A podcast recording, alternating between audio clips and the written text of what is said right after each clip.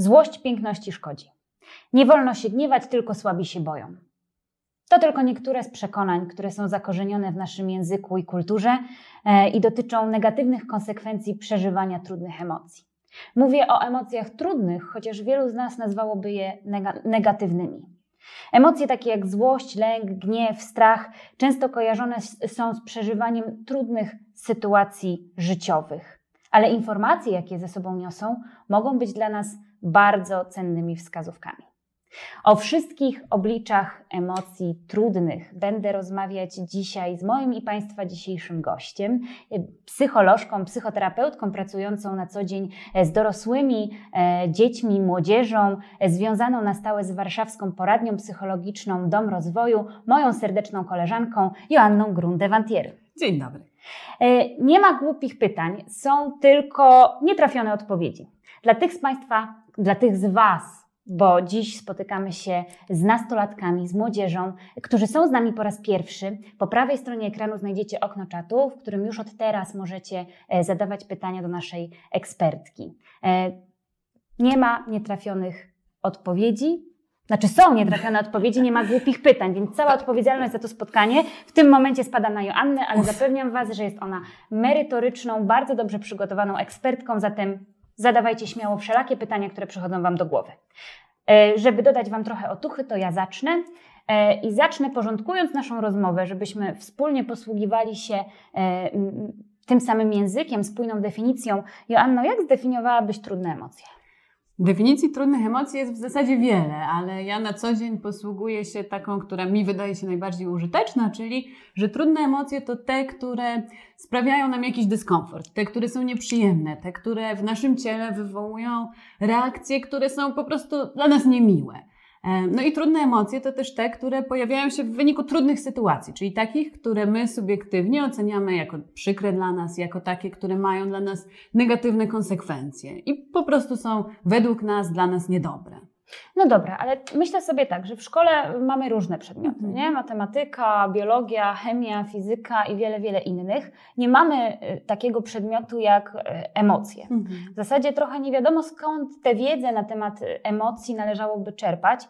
E, I e, wspominam takie spotkanie z moją pacjentką, bo zdarza się, że pracujemy drzwi w drzwi e, i pod Twoim gabinetem często czekają młodzież, dorośli, dzieci, do mnie głównie dorośli. I kiedyś jedna z moich pacjentek podzieliła się taką myślą, że żałuje, że nikt nie zadbał o jej stronę emocjonalną, że nie uzyskała wsparcia, kiedy właśnie mhm. była nastolatką. Jakie są konsekwencje nienauczenia się mhm. rozpoznawania i przeżywania tych emocji? E, no i dlaczego w ogóle jest to ważne? Jak może nam się to przydać w życiu? Mhm. No, to jest bardzo ciekawe, co mówisz, dlatego że ja, mając szansę pracować z osobami na różnym etapie rozwoju, to znaczy z dziećmi, z młodzieżą, z dorosłymi, no, mam też szansę trochę zaobserwować to, jak pewne trudności się rozwijają i jak objawiają się na różnym etapie życia. No i widzę to, że dorosłe osoby z różnymi kłopotami, z różnymi zaburzeniami psychicznymi, które do mnie trafiają, to są też osoby, które często już w okresie dorastania albo nawet już w dzieciństwie doświadczały pewnych trudności w obszarze emocji, doświadczały, nie miały szansy nauczyć się regulować emocji, kontrolować emocji, no i często to właśnie stąd biorą się ich aktualne kłopoty, co też oznacza, no, że to, co się dzieje, można było zaobserwować już wcześniej i można było temu jakoś zaradzić wcześniej, na wcześniejszym etapie. Na przykład w okresie dorastania, kiedy pojawiały się no, trudne emocje z bardzo dużą intensywnością, kiedy pojawiały się też trudne zachowania, które można by rozumieć jako jakąś formę wołania o pomoc.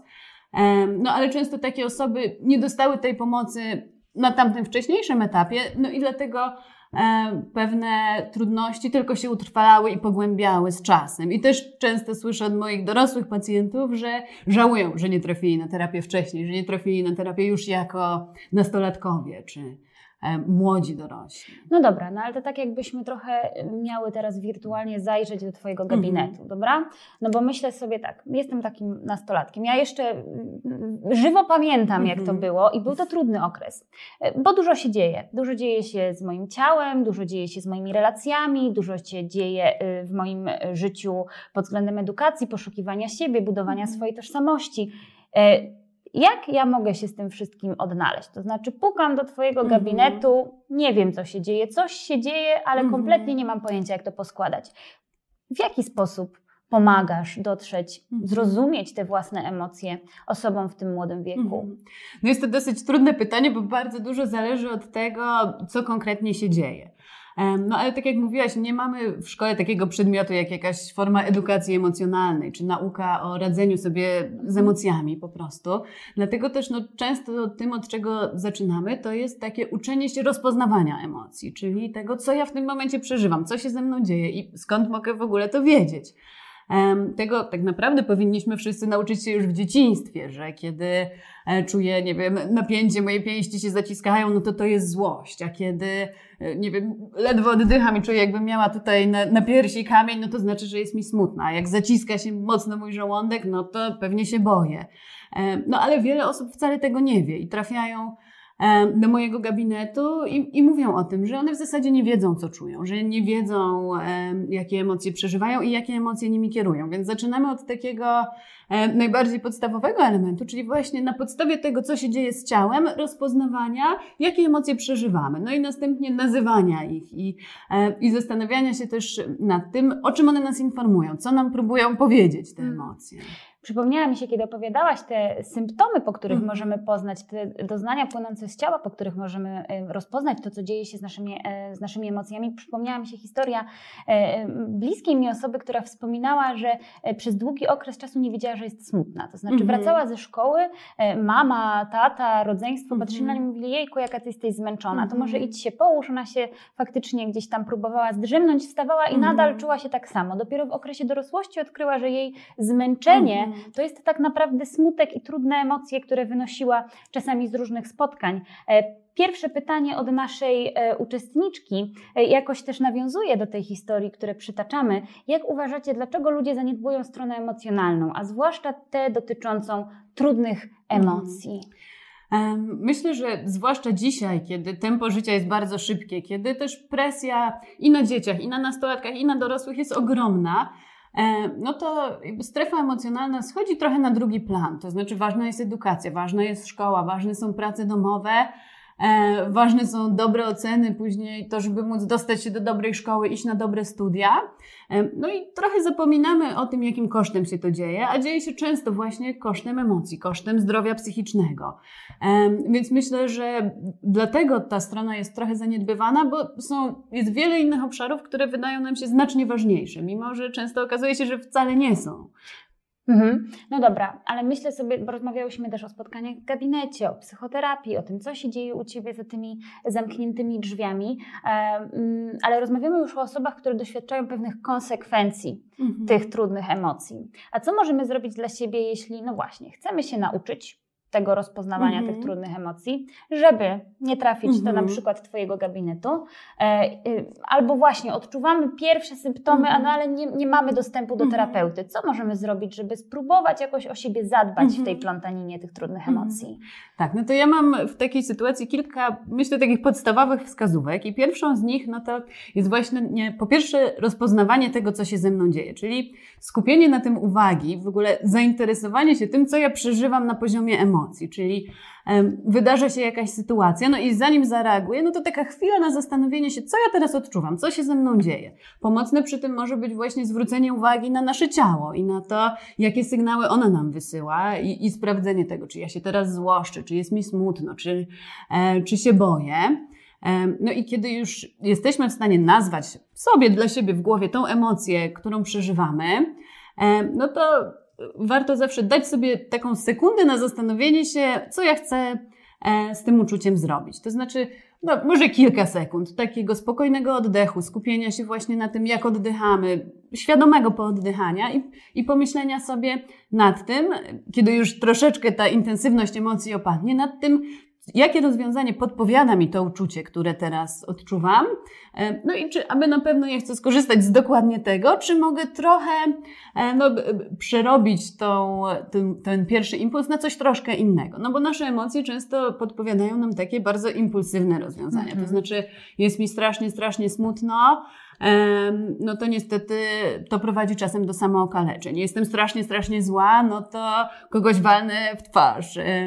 Bardzo się boję, no to ucieknę ze szkoły zamiast iść na, na sprawdzian, A propos, jest Anna trudny. miała taki pomysł dzisiaj, żeby uciec z naszego webinaru, więc e, Tak, słuchajcie. tak. Ale powstrzymała ten impuls, to znaczy, że ta metoda faktycznie działa. Tak, co też pokazuje, że każdy z nas przeżywa trudne emocje, nieważne e, ile czasu człowiek poświęcił na uczenie się o emocjach, na chodzenie na terapię i na zdobywanie wiedzy na ten temat. I tak strach, stres pojawia się. Podobnie jak złość, smutek i wszystkie inne emocje. E, Ważne jest właśnie to, żeby być świadomym tego, co przeżywamy e, i żeby być w stanie mieć tą chwilę, żeby się zatrzymać, spojrzeć trochę z boku na tą sytuację i przemyśleć też, co będzie teraz dla mnie korzystne. No bo czy jeśli ja walnę tego kolegę w twarz, bo on mnie tak strasznie zdenerwował, no to czy to nie będzie miało dla mnie jakichś bardzo przykrych konsekwencji? Bo to będzie ulga na chwilę, ulga na ten moment, ale no, zaraz przyjdzie jakaś kara, może wyrzucenie ze szkoły, policja, róż, różne takie rzeczy. I możemy się wtedy zastanowić, w jaki sposób ja mogę okazać tą złość, tak żeby to nie było dla mnie destrukcyjne. No, myślę sobie, że niektóre emocje są e, powiedzmy jak taki, nie wiem, e, skaczący królik, a Mhm. niektóre emocje są po prostu jak galopujące stado koni, tak? Tak. I że czasami o ten impuls e, no, jest nieco trudniej, o to, Mhm. żeby wyhamować odpowiednie, odpowiednią reakcję emocjonalną. No, zwłaszcza, że w tym okresie dorastania, o którym tu rozmawiamy, tych emocji jest sporo. To jest taki wulkan tuż przed Tak. erupcją. No więc jeżeli właśnie mamy to uczucie, które przypomina bardziej Mhm. stado galopujących koni niż skaczącego królika, Mhm. i jak możemy sobie pomóc? Mhm. No jednym ze sposobów na to, żeby sobie pomóc, to jest właśnie ta sekunda na refleksję. Po pierwsze, zastanowienie się, co sprawiło, że ja się czuję tak, jak się czuję, co mnie tak strasznie zezłościło, albo kto. Co, co wprawiło mnie w ten stan emocjonalny, w którym trudno mi e, w ogóle funkcjonować. No i później próba tego, żeby się zatrzymać, żeby jednak przed reakcją był ten moment na refleksję. Tutaj właśnie przychodzą z pomocą różne techniki oddechowe. Różne też takie techniki trochę odwracania uwagi. Mateusz zapytał, dlaczego ludzie kryją swoje trudne emocje przed światem zamiast szukać pomocy, a Oliwia dopytała, jakie konsekwencje może mieć nieść ze sobą tłumienie tych trudnych e, emocji. Mhm. Tego, jak radzić sobie z trudnymi emocjami, uczymy się już na najwcześniejszym etapie rozwoju, od wczesnego dzieciństwa. E, Wtedy, kiedy zaczynamy przeżywać złość, smutek, strach, później też różne bardziej skomplikowane mieszanki tych uczuć, no to możemy obserwować, jak reaguje na to nasze otoczenie, nasze środowisko. No i niestety wszyscy bywamy świadkami takich sytuacji, kiedy dzieciom mówi się przestań płakać, nie wolno płakać, nie wolno się złościć, nie ma się czego bać, nie, nie, nie wolno się bać, nie wiem. Tak jak mówiłaś na początku, złość z piękności szkodzi, albo grzeczne dziewczynki się nie złoszczą, a dzielni chłopcy nie płaczą. To są wszystko takie komunikaty, które informują dziecko, że to, co aktualnie przeżywa, jest niepożądane. Czyli, że smutek, złość, strach, który przeżywa, to jest coś złego i że lepiej tym z nikim się nie dzielić, e, no bo za to spotyka tylko kara, czyli jakieś właśnie wyśmiewanie, jakieś przykre komentarze. No więc już wtedy na tym wczesnym etapie uczymy się, że dla nas lepiej jest, jeśli te emocje ukryjemy, jeśli odreagujemy je sobie w jakiejś innej sytuacji, nie wiem, dokuczając koledze w szkole, zamiast e, wyrazić je do mamy, która mnie zdenerwowała. Uczymy się po prostu tego, że nie ma w społeczeństwie, w naszej rodzinie, w naszym otoczeniu miejsca na trudne emocje, że dobrze jest wtedy, kiedy jesteśmy weseli, kiedy jesteśmy w dobrym nastroju i, i to jest jedyne, co jest do przyjęcia. No i dlatego wiele osób ma później kłopot z tym, żeby mówić o trudnych emocjach, żeby się e, nimi dzielić, bo kojarzy im się to z jakimś wstydem, kojarzy się im to z jakąś karą, która za to spotyka, a nie ze wsparciem. Nie widzą żadnych korzyści z dzielenia się trudnymi emocjami, em, jeśli dotychczas zwykle spotykało ich w takich sytuacjach tylko i wyłącznie coś złego. No ja sobie myślę, że czasami w niektórych sytuacjach wyrażanie tych emocji trudnych tak na bieżąco Mhm. jest y, niesprzyjające, no ale może pełnić wskazówkę pewnego drogowskazu. To Mhm. znaczy, jeżeli ja przeżywam coś trudnego w sytuacji X, Mhm. to znaczy, że w tej sytuacji jest coś, co w jakiś sposób sprawia mi trudność. W jaki sposób ja mogę odczytać te informacje, w jaki sposób mogę odczytać te Mhm. emocje jako pewnego rodzaju wskazówkę. No bo mówiłaś o tym, e, że te emocje gdzieś zostaną koniec końców Mhm. odreagowane. Tak. To znaczy, nawet jeżeli ja je stłumię, zamknę na chwilę, Mhm. to potem muszę je w jakiś sposób uwolnić. No Mhm. bo jeśli bym ich nie uwolniła, to co by się stało? A jeśli je uwalniam tak nieprzystosowawczo, to w jaki sposób mogę złapać się na tym, że to są te Mhm. emocje sprzed paru minut, kiedy one Mhm. nie były możliwe, żeby ze mnie uleciały, a teraz one wcale mi nie sprzyjają. Jak Mhm. mogę właści- na właściwe tory te swoje emocje nakierować? Mhm. No, znowu wracamy do takiej zdolności obserwowania siebie, czyli zwracania uwagi na to, co czujemy, dlaczego to czujemy, w jakim momencie to czujemy.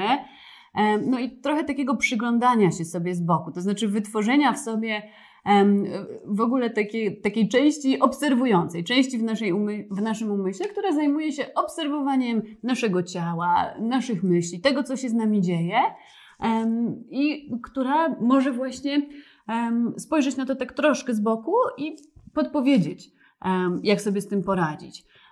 W zasadzie to jest najważniejsze, żeby obserwować siebie i tutaj i swoje ciało, i swoje myśli. I to naprawdę przynosi, przynosi skutki, bo jesteśmy w stanie rozróżnić, skąd się biorą te emocje, jeśli poświęcimy na to chwilę. No ale to wymaga czasu, wymaga zatrzymania się, które, nie ukrywam, też dla nastolatków jest bardzo trudne, bo w ten okres nastoletni wpisana jest impulsywność i wpisane jest takie reagowanie emocjonalne, więc to też nie jest tak, że powinniśmy oczekiwać od młodzieży takiej jakiejś pełnej kontroli nad emocjami i zachowania takiego, jak to zachowujemy się my dorośli, a przynajmniej większość z nas, czyli Chociaż nie, i tak zdarzają Tak. nam się gorsze chwile i gorsze Dokładnie, dni. dokładnie. E, Ale na pewno ta impulsywność jest większa i też to, że ta intensywność emocji, które się pojawiają, jest znacznie większa, jest całkiem normalne i naturalne w tym okresie. I to, czego każdy młody człowiek potrzebuje, no to właśnie wsparcie w przeżywaniu tych emocji, rozmawianie o nich, e, możliwość dzielenia się nimi z różnymi osobami, opowiadanie o nich czy rodzicom, czy innym zaufanym dorosłym, rówieśnikom, różnym osobom, które są gotowe przyjmować te emocje, nie krytykować ich, nie przykreślać ich, nie mówić właśnie, że nie wolno się złościć, że złość to coś złego, tylko które są w stanie towarzyszyć w tych emocjach. Mhm. I to jest drugi sposób. Poza obserwowaniem siebie, no to dzielenie się tymi em, emocjami z innymi ludźmi. Czy jest dookoła. jeszcze trzeci sposób, czy mogę do następnego pytania? Możesz do następnego pytania. No bo myślę sobie, że mm, wyrażanie tych emocji, na przykład weźmy sobie tutaj na, y, na stół złość. Mhm. Złościć można się w różny sposób, ale niektóre sposoby są nieakceptowalne. Mhm. To znaczy, na przykład, kiedy dochodzi do zachowań agresywnych. Mhm. E, Magda dopytuje, czy wulgaryzmy na przykład są dobrym sposobem Mhm. wyrażania emocji. No i właśnie, jak rozpoznać te granice Mhm. pomiędzy wyrażaniem emocji, a odpowiednim wyrażaniem Mhm. ich, akceptowalnym. No, wszystko zależy od środowiska, w jakim się aktualnie znajdujemy, bo myślę, że każdemu z nas zdarza się czasem przeklnąć, kiedy coś nas bardzo ze złości, kiedy ktoś sprawia nam, em, właśnie działa jakoś przeciwko nam i, i wprawia nas w złość, albo kiedy jakaś sytuacja jest dla nas złoszcząca. E, No, tylko tym, co, co warto rozróżniać, no to jest to, czy w tej sytuacji, w której się znajduje, w, w tym środowisku, w którym się znajduje, e, no to to jest zgodne z jakimiś normami, tak? No bo tak jak kiedy, nie wiem, jestem, w towarzy- jestem nastolatkiem, jestem w towarzystwie moich kolegów, no to jak mi się zdarzy przeklnąć, no to raczej nikt mnie za to jakoś bardzo negatywnie nie oceni, nie, e, nie zostanę wykluczony z tej grupy. No ale jeśli już robię to na lekcji, czy robię to w jakiejś takiej oficjalnej sytuacji, no to wiadomo, że to ma dla mnie negatywne konsekwencje. No więc to jest też zawsze e, kwestia wyważenia tego, jakie konsekwencje będzie miało dla mnie wyrażenie tych emocji w taki sposób. To jest trochę to, o czym mówiłam na początku, że jeśli przyglądamy się z boku, no to możemy przez chwilę pomyśleć o konsekwencjach, czyli o tym, czy to jest dla mnie korzystne, czy przeklnięcie w tym momencie będzie e, dla mnie korzystne, e, czy będzie miało dla mnie jakieś przykre konsekwencje. Hmm. Wspominałaś też o sposobie ra- pracy ze własnymi trudnymi emocjami, o dzieleniu się z osobami e, znaczącymi. A co jeśli e, na przykład wracam nabuzowana ze szkoły, dużo Mhm. się działo e, i trochę lęku, i złości, Mhm. i smutku, i z taką mieszanką wracam do domu i wybucham. Mhm. Ranię najbliższych, Mhm. najbliższe mi osoby nie dlatego, że jestem złym Mhm. człowiekiem, ale dlatego, że jest mi tak trudno samodzielnie to unieść, że to właśnie dochodzi Mhm. do tej eksplozji. W jaki sposób mogę pomóc sobie, żeby do tego nie dopuszczać? Mhm. Pierwsze pytanie. Po drugie, jak wyjść z takiej Mhm. sytuacji, kiedy nawet zdarzyło mi się no, wybuchnąć, Mhm. uderzyć tymi swoimi trudnymi emocjami tych, którzy wcale niekoniecznie mm, wiedzieli, jak je przyjąć. Mhm. Okej, okay, pierwszym krokiem byłoby to, żeby w ogóle nie dopuszczać do aż takiego gromadzenia się tych emocji, aż takiego zbierania się ich w nas. No a drogą do tego jest wyrażanie ich w tych sytuacjach, które te emocje wywołują. Oczywiście to nie zawsze jest możliwe, nie zawsze jest możliwe w takim stopniu, w jakim byśmy chcieli, no ale mówienie o tym, że jakaś sytuacja jest dla nas niekomfortowa, że coś nam przeszkadza, że czegoś się boimy, w tym momencie, kiedy to się dzieje, zwykle jest możliwe. Korzystanie z tego wsparcia, które mamy na miejscu, ale też stawianie granic, bo złość zbiera się w nas wtedy, bardzo często wtedy, kiedy ludzie przekraczają nasze granice, kiedy nas w jakiś sposób krzywdzą, ranią. No i jeśli my nauczymy się korzystać z tej złości właśnie w konstruktywny sposób, czyli po to, żeby stawiać granice, mówić jasno, nie zgadzam się, żebyś się tak do mnie odzywał, mówić jasno, nie chcę teraz z tobą rozmawiać, jeśli tak mnie traktujesz jakby korzystać z tej złości w tej sytuacji, w której ona się pojawia, no to wtedy w ogóle nie dopuszczamy do tego, że ona zaczyna się gromadzić, że ona zaczyna się tak kumulować i później dochodzi właśnie do takiej dużej eksplozji. Oczywiście nie każdy jest w stanie to robić tak od razu i nie każdy ma taką możliwość w grupie społecznej, w której jest. No i wtedy z pomocą przychodzą też różne sposoby na odreagowywanie tych emocji, które się kumulują. No i tutaj myślę, że takim najskuteczniejszym sposobem jest jednak rozmowa z jakąś zaufaną osobą, właśnie czy to kolegą, koleżanką, mamą, tatą, psychologiem szkolnym, kimkolwiek, o tym, co się dzieje, o tym, co sprawia, że się złoszczę, co sprawia, że jest mi trudno. Zanim właśnie tych emocji skumuluje się aż tak dużo, że one chcą wybuchnąć. No dobra, Wyobraźmy sobie, że mam tę gotowość w sobie, żeby podzielić się mhm. tymi emocjami, żeby to nie doszło do tego wybuchu, tylko jakoś na bieżąco próbuję rozładować to, co się we mnie dzieje. Przychodzę do bliskiej albo -hmm. jedynej mi grupy społecznej, jak, jaką mam, dzielę się swoimi, swoimi emocjami, a ktoś ich e, nie przyjmuje, mhm. lekceważy, unieważnia, e, albo wręcz boję się, jakie konsekwencje za wyrażenie tych mhm. emocji mogą na mnie spaść. Mhm. No tak może być, bo nie ukrywajmy też, że towarzyszenie komuś w przeżywaniu trudnych emocji jest wbrew pozorom bardzo trudne. Bo każdy z nas chciałby, żeby nam było miło, wesoło i przyjemnie, i żeby była fajna atmosfera, i najlepiej, żeby było śmiesznie, i żeby nie działo się nic trudnego. Dlatego no, zdarza się tak, że kiedy nawet decydujemy się podzielić tym, co trudne, tym, co przykre, no to usłyszymy takie komunikaty, które wcale nas nie wspierają, czyli e, nie wiem, przestań już o tym mówić, zapomnij już o tym, oj weź mi nie zawracaj tym głowy, a ty znowu o tym samym.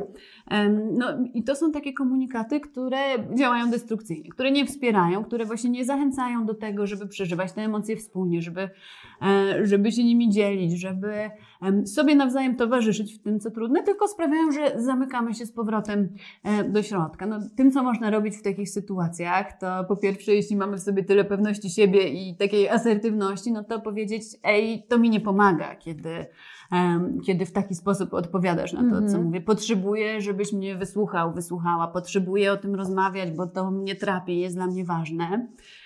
No, a jeśli nam się to nie udaje, no to drogą jest też szukanie w otoczeniu innych osób, które są gotowe to przyjmować, bo um, jestem przekonana, że, że takie osoby też się znajdą. Czy to um, właśnie koledzy, koleżanki, czy to dorośli, którzy czasem mają trochę więcej przestrzeni, żeby te trudne emocje przyjmować. A jeśli o dorosłych mowa, to znowu wrócę pamięcią, refleksją do, do sytuacji sprzed lat no już nastu, e, kiedy młodzi ludzie, w tym ja, dzielący się swoimi problemami z osobami dorosłymi, często słyszą takie komunikaty i wierzę, że tak mhm. się dzieje do dziś. Mhm. E, młodość, wy to macie problemy, mhm. nie? Albo o, jak dorośniecie, jak pójdziecie na studia, to się dopiero zacznie życie, to dopiero będą problemy.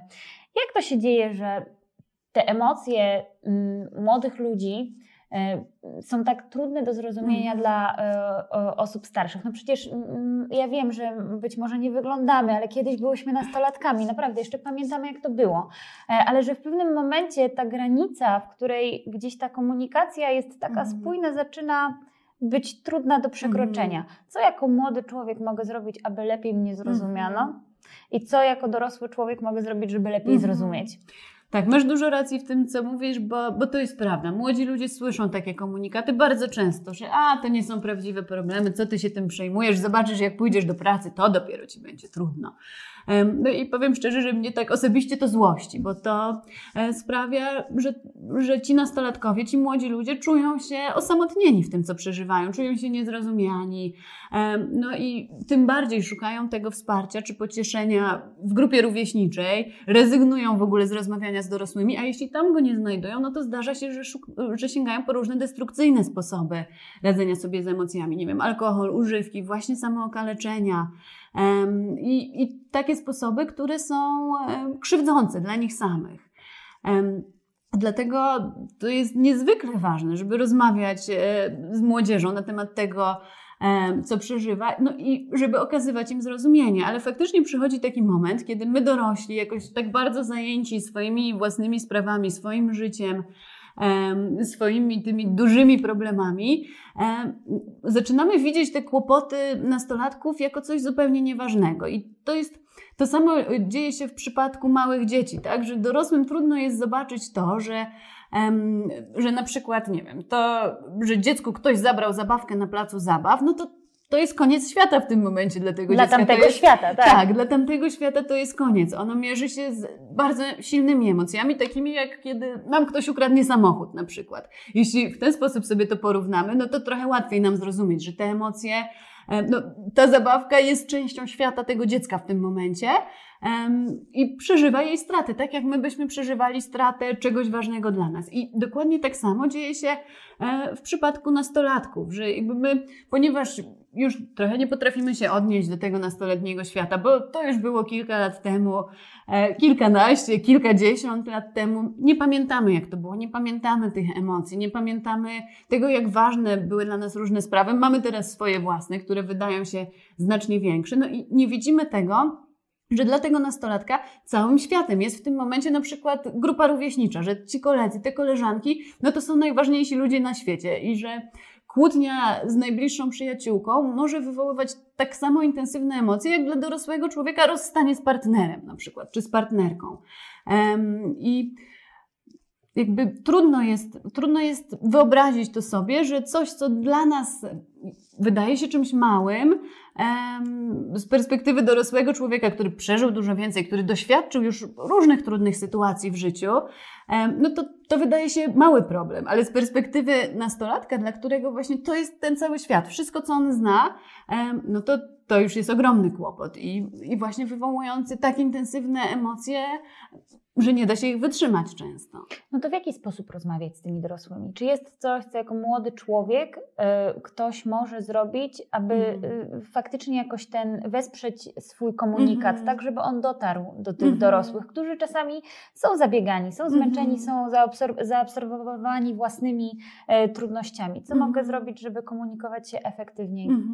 Ja zawsze zachęcam do tego, żeby mówić wprost. Po pierwsze o emocjach, czyli o tym, co ja takiego przeżywam, że to mnie złości, tego się boję, to mnie smuci, e, to mnie frustruje. No i po drugie, żeby starać się jasno mówić o tym, czego potrzebuję w tej sytuacji. Czy ja potrzebuję teraz porozmawiać, czy ja potrzebuję po prostu to wyrazić, czy potrzebuję jakiejś interwencji ze strony tego dorosłego w tej trudnej sytuacji. I właśnie, żeby mówić o emocji i o potrzebie, która za nią idzie.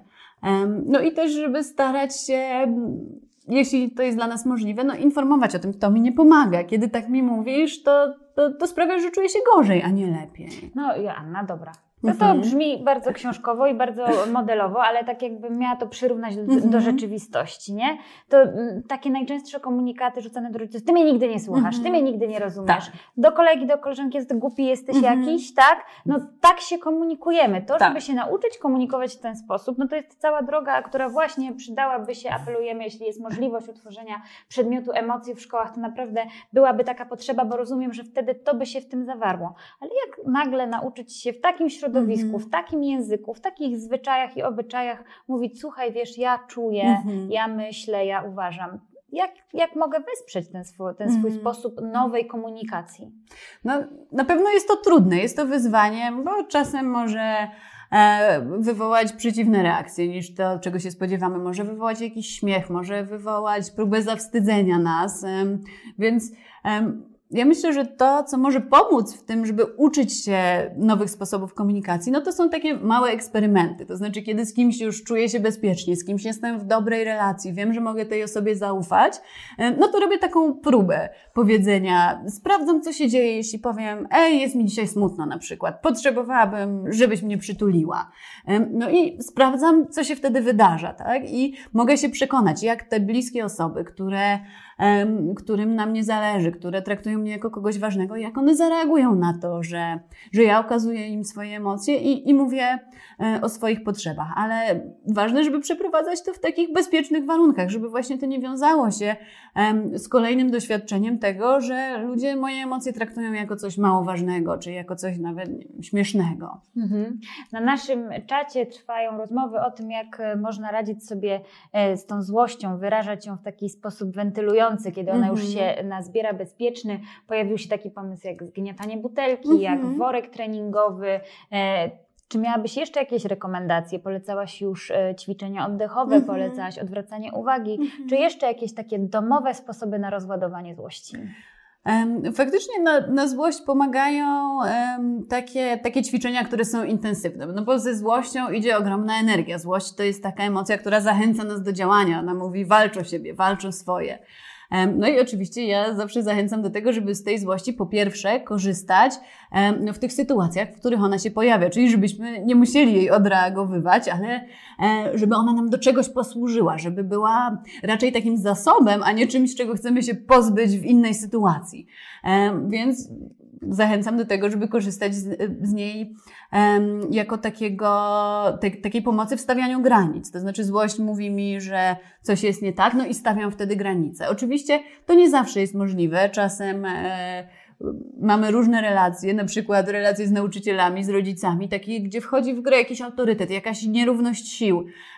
No i wtedy bywa tak, że nie możemy w ogóle tej złości wyrazić, albo możemy ją wyrazić tylko w jakimś bardzo niewielkim stopniu. No i wtedy rzeczywiście z pomocą przychodzą różne takie sposoby na odreagowywanie złości, jak ćwiczenia fizyczne. Niektórym pomaga to, żeby wyjść, pobiegać i, i sprintem się kawałek przebiec. Innym pomaga właśnie e, boksowanie w worek boksowy.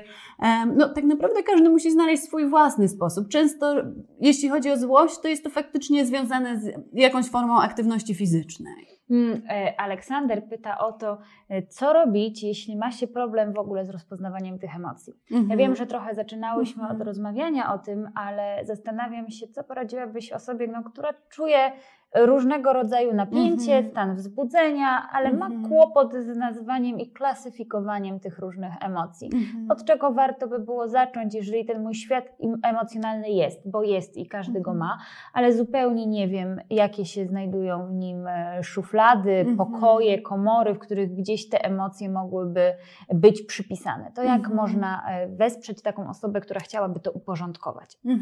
No na pewno tak się bardzo często dzieje, że my w ogóle nie wiemy, co my przeżywamy. E, ja to często na przykład obserwuję w takich relacjach pomiędzy dziećmi a rodzicami, kiedy wchodzi do mnie do gabinetu na przykład mama z dzieckiem i mówi do tego dziecka takie rzeczy jak jest mi przykro, kiedy tak robisz, E, no bo chce się otwarcie komunikować, mówiąc o swoich emocjach, ale tak naprawdę patrząc na nią od razu widać, że jej nie jest przykro. Ona jest zła, jest wściekła, coś ją denerwuje. No, czasem to wynika z tego, że z naszych przekonań dotyczących w ogóle złości, mhm. że jej nie wolno wyrażać, a czasem z tego, że faktycznie nie rozróżniamy tych emocji, które mamy w sobie, które, które się w nas pojawiają. I dlatego pierwszym krokiem jest właśnie obserwowanie swojego ciała, no bo ciało reaguje od razu, ono pokazuje nam właśnie, co czujemy, ono reaguje na sytuację tak instynktownie.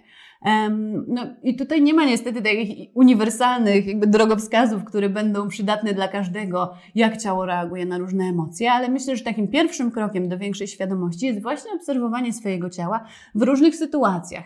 Nawet tych, które wywołują takie tylko lekkie emocje, niekoniecznie jakieś bardzo intensywne i zwracanie uwagi na to właśnie, gdzie się pojawia jakieś napięcie. Nie wiem, czy może akurat zaczynam się pocić, czy może mój oddech trochę przyspiesza, czy serce zaczyna bić szybciej. No i po tym możemy poznawać, jaką tę emocję przeżywam. No bo jeśli zaciskają mi się samoistnie nagle pięści albo szczęka się zaciska, to bardzo często się dzieje, kiedy się złościmy, no to już możemy podejrzewać, że, że ktoś nas irytuje, że coś nas irytuje, że przeżywamy jakąś złość. No właśnie z kolei jeśli przeżywamy, jeśli doświadczamy jakiegoś takiego dyskomfortu w żołądku, coś nas ściska, tak jak mnie dzisiaj przed przyjściem tutaj z lekkim stresem, no to możemy poznać, że, że to jest właśnie strach, że tutaj pojawia się jakiś lęk. No, z kolei smutek właśnie często wiąże się z takim e, doświadczaniem tutaj w klatce piersiowej mhm. różnych nieprzyjemnych, e, nieprzyjemnych wrażeń. Czasem wydaje się nam nawet, że nas boli serce, że tak nam jest strasznie smutno, że boli nas serce, no bo faktycznie tutaj jakby jest taki ciężar. No, więc ja zawsze polecam zwracanie uwagi na swoje ciało, na to, co się dzieje z ciałem. Dobra, to niech będzie pierwszy krok, a my mhm. już rozmawiałyśmy o tych domowych sposobach na radzenie mhm. sobie ze złością. Pojawia się pytanie o, o, domowe sposoby na radzenie sobie z głębokim smutkiem. Mhm. I ja myślę, że ważne jest to, żeby zaznaczyć, że oczywiście domowe sposoby y, są e, mile widziane i są ważne. Ważna jest też y, taka pierwsza przyjacielska pomoc psychologiczna i tworzenie relacji, w których możemy sobie na te trudne emocje pozwolić, ale ważne jest też wsparcie y, profesjonalisty i specjalistów, że jednak są to trzy trzy grupy, e, trzy różne rodzaje wsparcia, które są dedykowane dla różnego e, mhm. nasilenia tych emocji, które przeżywamy, no bo nie czarujmy się, każdemu z nas się zdarza wrócić do domu kompletnie smutnym. Mhm. Różne rzeczy dzieją się w naszych życiach każdego dnia. Jeżeli mam taki faktycznie mhm. bardzo trudny dzień, jest mi głęboko, do głębi smutno, co mogę dla siebie zrobić? Jeśli jest mi dogłębnie smutno, smutek jest taką, jest taką emocją, która nas informuje o tym, że potrzebujemy wsparcia. Kiedy jesteśmy smutni, no to nawet taki wyraz twarzy, łzy, to są, to są takie objawy tych emocji, które sprawiają, że ludzie chcą się nami opiekować. To jest taki instynkt. Jak widzimy kogoś, kto płacze, no to budzi się w nas taka ochota, żeby mu jakoś pomóc, żeby zapytać się, co się stało, żeby go wesprzeć. I rzeczywiście taka jest funkcja tych emocji. One mówią, przeżywam coś trudnego, przeżywam jakąś stratę, za czymś tęsknię, czegoś mi brakuje i potrzebuję wsparcia. Potrzebuję, żeby ktoś się mną trochę zaopiekował opiekował. Dlatego no, do, domowym sposobem, mniej lub bardziej domowym, jest właśnie szukanie wsparcia. Czy to rozmowa z koleżanką, z kolegą, taką zaufaną, z którą można się dzielić tym, co trudne, czy rozmowa z rodzicami. I tak jak mówiłaś, to też jest tak, że Ważne jest, żebyśmy pamiętali, że z niektórymi emocjami możemy sobie radzić na domowe sposoby, ale czasem przychodzi taki moment, że już trzeba zrobić takie trochę większe kroki i skorzystać z pomocy e, profesjonalistów. Oczywiście bywa tak, że się boimy, że, że jest to dla nas trudne, że nie wiemy, jak powiedzieć to naszym rodzicom. Dlatego ja często mówię o tym, że tak, taką pierwszą pomocą psychologiczną dobrą bywa psycholog szkolny czy pedagog szkolny. Taką taką osobą, do której w pierwszej kolejności można się udać i powiedzieć, no jest coś nie tak, potrzebuję jakiejś pomocy, mhm. potrzebuję, żeby z kimś porozmawiać albo żeby ktoś mnie gdzieś um, pokierował. Bo jak słyszę o przeżywaniu głębokiego smutku, no to jednak budzi to we mnie już taką obawę, że, że to nie jest coś, z czym możemy sobie poradzić tylko i wyłącznie domowymi sposobami. Jasne, słuchaj, wkraczamy w obszar mhm. E, pomocy e, przyjacielskiej mhm. E, i pojawiają się pytania od osób, które są tutaj z nami i dziękuję bardzo za te pytania. W jaki sposób my możemy pomóc komuś, kto przeżywa trudne emocje? To znaczy mamy mhm. takie podejrzenie, mamy koleżankę, kolegę, znajomego, z którym coś się dzieje. Mamy, mhm. mamy przypuszczenie, że coś trudnego przeżywa, że tłumi to w sobie. Pytamy, słuchaj, co mhm. się dzieje, co u ciebie? Nic. Mhm. Ale objawy nie ustępują. W jaki sposób możemy tę pierwszą pomoc przyjacielską świadczyć? No, nie da się nikogo zmusić, żeby mówił o tym, co trudne. Bywa tak, że ktoś nie chce o tym rozmawiać i też ma do tego prawo, żeby przez jakiś czas pobyć sam z tym, co przeżywa, żeby o tym nie opowiadać albo nie opowiadać akurat tej osobie. Więc to też jest ważne, żeby no, wyczuć tą granicę, kiedy ktoś nam mówi, ja sobie z tym chcę poradzić sam, ja teraz nie potrzebuję pomocy. Ale jeśli jest tak, że martwimy się o kogoś, że ten smutek albo jakieś inne emocje utrzymują się przez długi czas, no to znowu to nie jest łatwe, ale ja zachęcam do autentyczności, czyli do takiego powiedzenia, wiesz co, no zauważyłam, zauważyłem, że od jakiegoś czasu jesteś w złym nastroju, że jest ci trudno, że często jesteś smutny, martwię się o ciebie, jest mi trudno na to patrzeć, chciałabym ci jakoś pomóc. No, ja wiem, że to są takie komunikaty, którymi nastolatki niekoniecznie się posługują. Ale mogą zacząć. Ale mogą zacząć, do tak, tego zachęcamy. Dokładnie. Dokładnie. Można też to oczywiście ubrać w swój własny język, taki, żeby nie brzmiało to może aż jakoś tak sztywno jak tutaj, ale taki powinien być przekaz. Ja się o ciebie martwię, ja się o ciebie troszczę, chcę ci pomóc i zauważam, że coś się z tobą dzieje. Bo to już jest w ogóle bardzo ważny moment dla osoby, która przeżywa coś trudnego, no, że ktoś inny to zauważa, że nie jest z tym sama, że może e, poczuć się dla kogoś ważna. A co jeśli mamy przypuszczenia, nawet jeżeli ta osoba nie chce się z nami mhm. podzielić tym, co przeżywa, ale mamy pewne przypuszczenia, no, że tak naprawdę jej życiu lub bezpieczeństwu mhm. zagraża y, y, niebezpieczeństwo, nie, no, samookaleczenia, mhm. czy myśli rezygnacyjne, czy samobójcze, no, są stanem zagrożenia życia. Co my wówczas, jako osoby z otoczenia takiego, takiej osoby przeżywającej taką trudność możemy zrobić? No i okej, okay, to jest taki moment, kiedy już taka samopomoc koleżeńska powinna się zakończyć. Jeśli E, we mnie pojawia się obawa o zdrowie i o życie tej osoby, która coś trudnego przeżywa, e, no to to jest moment, żeby sięgnąć po pomoc do dorosłych, właśnie czy do psychologa szkolnego, czy do rodziców tej osoby. E, ja wiem, że to może być tak, że w jakiś sposób naruszamy zaufanie, ale warto pamiętać o tym, że jednak tutaj chodzi o życie tej osoby i może ona się na nas ze złości i będzie miała do nas pretensje, że komuś o tym powiedzieliśmy, ale może być tak, że dzięki temu uratujemy jej życie. Więc no, przychodzi taki moment, kiedy, kiedy już takie wsparcie koleżeńskie nie wystarcza, kiedy potrzebna jest profesjonalna pomoc i kiedy potrzebna jest po prostu pomoc dorosłych. Jasne, ale y, Aga też dopytuje, co zrobić, kiedy nasze trudne emocje wiążą się głównie z relacjami z rodzicami. Wspominałaś mm -hmm. o tym, że mhm. czasami warto włączyć rodziców, czy własnych, czy danej osoby, jeżeli chcemy wesprzeć przyjaciela czy przyjaciółkę do tego całego procesu. Mm -hmm. A co mhm. jeśli to właśnie te emocje trudne, które ja przeżywam, są związane z relacjami z rodzicami? Mm -hmm. Jak mogę sobie poradzić, do kogo mogę zwrócić się o pomoc? No to jest trudna sytuacja, bo często, żeby podjąć terapię, czy żeby szukać pomocy u psychologa, jest potrzebna zgoda no przynajmniej jednego, jednego z rodziców, ale taką osobą, z którą można porozmawiać, trochę pomijając rodziców, jest właśnie psycholog szkolny, czyli szukanie pomocy w pierwszej kolejności u psychologa, pedagoga szkolnego, u zaufanego nauczyciela w szkole, czy to jest wychowawca, czy jakiś inny nauczyciel. Ważne, żeby to był ktoś dorosły, kto jednak patrzy z troszeczkę innej perspektywy na to, co się dzieje i kto ma dostęp do informacji na temat tego, jak można zadziałać, też jeśli chodzi o takie kroki prawne, czy związane ze służbami, czy to jest już sytuacja, kiedy na przykład trzeba zgłosić, że ktoś doświadcza przemocy mhm. i potrzebna jest taka pomoc z zewnątrz. No, dlatego często takie spojrzenie dorosłej osoby bywa tutaj przydatne. I poszukanie takiej zaufanej, jednej dorosłej osoby to nie musi być rodzic, to może być ciocia, to może być babcia, to może być właśnie nauczyciel czy pedagog szkolny.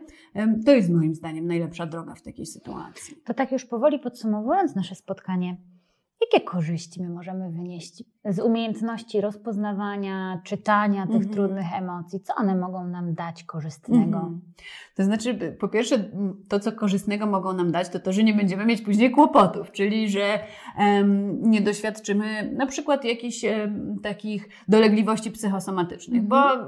bo emocje, które ukrywamy, które ściskamy w środku, często prowadzą do różnych takich objawów y, już na poziomie naszego ciała i zdrowia fizycznego, które trudno jest wyjaśnić. Jakieś bóle głowy, właśnie takie dolegliwości związane z brzuchem, y, czy z bólem brzucha, czy różne inne bóle pleców, bóle w ogóle w ciele, no bardzo duży, duży wpływ na nasze ciało ma nasza psychika. Więc to jest na pewno to, czego możemy uniknąć, jeśli uczymy się radzić sobie z tymi emocjami, jeśli jeśli zrobimy to jak najwcześniej, możemy też uniknąć oczywiście niektórych zaburzeń psychicznych, jak przykładowo depresja czy zaburzenia mm. lękowe. Jeśli nauczymy się odpowiednio na wczesnym etapie radzić sobie z tymi emocjami, odpowiednio traktować te emocje i odpowiednio traktować siebie, kiedy przeżywamy różne emocje. E, bo to też jest bardzo ważny temat, to jak my sami się do siebie odnosimy, kiedy jesteśmy smutni, kiedy jesteśmy źli. E, czy właśnie się na siebie złościmy i mówimy do siebie, ty e, Bekso, przestań się mazać, czy jakby jesteśmy sobie sami w stanie okazać trochę współczucia, pozwolić sobie na smutek, na złość, na strach. Więc te, te, te, korzyści, no to tak naprawdę jest uniknięcie tych negatywnych konsekwencji, no ale korzyściami jest też to, że tak jak wcześniej rozmawiałyśmy, te trudne emocje są pewnymi drogowskazami, mówiącymi nam o tym, że ta sytuacja może niekoniecznie jest dla mnie dobra, może ona nie jest dla mnie komfortowa, może coś tutaj się dzieje nie tak, nieprzyjemnego. Właśnie powinienem zrobić krok w tył i zastanowić się, czy tutaj jest mi dobrze, czy chcę tu być, czy to miejsce, ci ludzie są dla mnie w tym momencie dobrze, czy nie, czy e, potrzebuję wycofać się z tej sytuacji, pójść gdzieś indziej. Więc trudne emocje są też właśnie takim wyznacznikiem tego, no, co się dzieje ze mną i co się dzieje w moim otoczeniu i czy to na pewno mi sprzyja. No myślę sobie, że są takie też sytuacje, które nawet budzą w nas e, pewnego rodzaju trudne emocje, mm -hmm. takie jak na przykład lęk, mm -hmm. a są nie do ominięcia. Mm -hmm. Myślę sobie na przykład o różnego rodzaju egzaminach mhm. maturalnych i nie tylko, które są e, dla nas wyzwaniem, mhm. które wprawdzie większość z nas przez te wyzwanie, z tym wyzwaniem się mierzy, ale budzi to lęk, niepokój, różnego rodzaju też trudne, trudne dla nas myśli. Zastanawiam się, jak można wesprzeć siebie w takim okresie, mhm. Który no, przygotowanie do takiego mhm. wydarzenia trochę trwa, więc w tym stresie jesteśmy. Bycie w długotrwałym mhm. stresie wiąże się też z konsekwencjami zarówno dla naszego e, zdrowia, jak i samopoczucia. Mhm. E, zastanawiam się, co wówczas możemy ze sobą i dla siebie zrobić.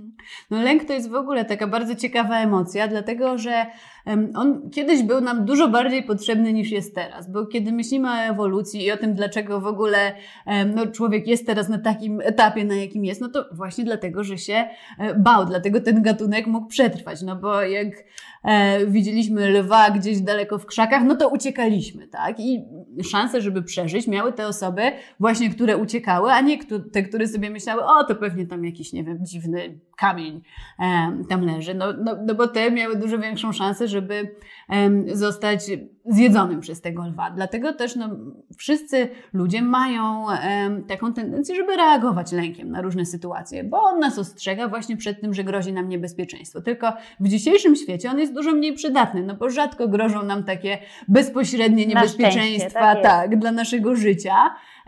Często te sytuacje są jakby dużo mm, bardziej e, związane właśnie czy z nauką, czy z pracą, czy z tym, jak nas ocenią inni, czy coś nam się uda, czy nie uda. No i tutaj ten lęk zamiast nam pomagać, tak jak kiedy chodzi o nasze życie i zdrowie, no to zaczyna nam trochę przeszkadzać, bo sprawia właśnie, że się stresujemy, że jest nam trudno się skupić, że nie możemy e, się czegoś nauczyć.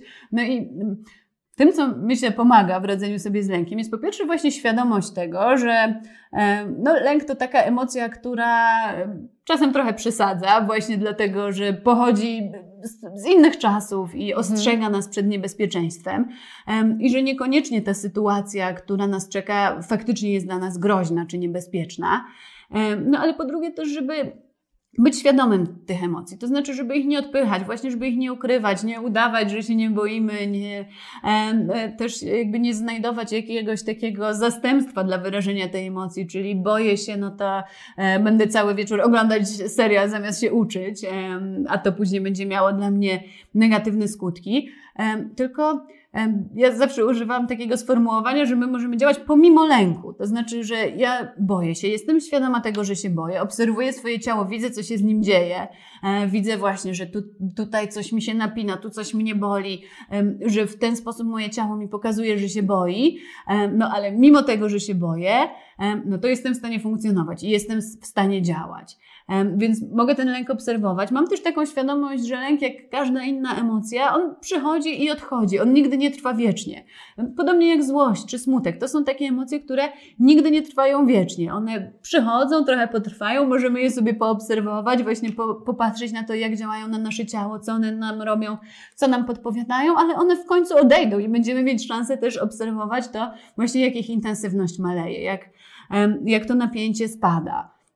Tak sobie myślę i zapisuję tutaj Mhm. różne e, rzeczy, które e, opowiadasz, żeby już tak zebrać tę Mhm. naszą rozmowę i ją zakończyć, pomimo tego, że jest przemiła i mogłybyśmy tak gadać godzinami. E, Przypomniał mi się taki napis na murze, który często krąży gdzieś tam jego zdjęcia w internecie. Ludzie raz się żyje, mówcie o swoich uczuciach. To tak do Tak. pierwszej części naszego spotkania, ale powiedziałaś też, nie zastępujmy tych trudnych Mhm. emocji, tylko je przeżywajmy i że emocje nie trwają wiecznie. I z takim przesłaniem chciałabym też zakończyć nasze e, dzisiejsze spotkanie. Bardzo dziękuję Wam za obecność, za pytania, za odwagę, żeby uczestniczyć e, w tym spotkaniu. Mam nadzieję, że e, linki prześlecie do znajomych i będzie nam wszystkim razem dużo raźniej rozmawiać o uczuciach. Zapis naszej dzisiejszej rozmowy znajdziecie oczywiście na YouTubie Strefy Psyche Uniwersytetu SWPS. Informacje o kolejnych e, wydarzeniach śledźcie na stronie Strefy Psyche Uniwersytetu SWPS. No i oczywiście znajdziecie również niebawem podcasty na Spotify, Lekton, SoundCloud i iTunes. Joannę znajdziecie w Warszawskim Domu Rozwoju. Dziękuję bardzo za obecność. Dziękuję Ci bardzo, Joanna Piątka. Ja również bardzo dziękuję. Dobrze, że nie uciekłaś. Do zobaczenia. Miłego weekendu.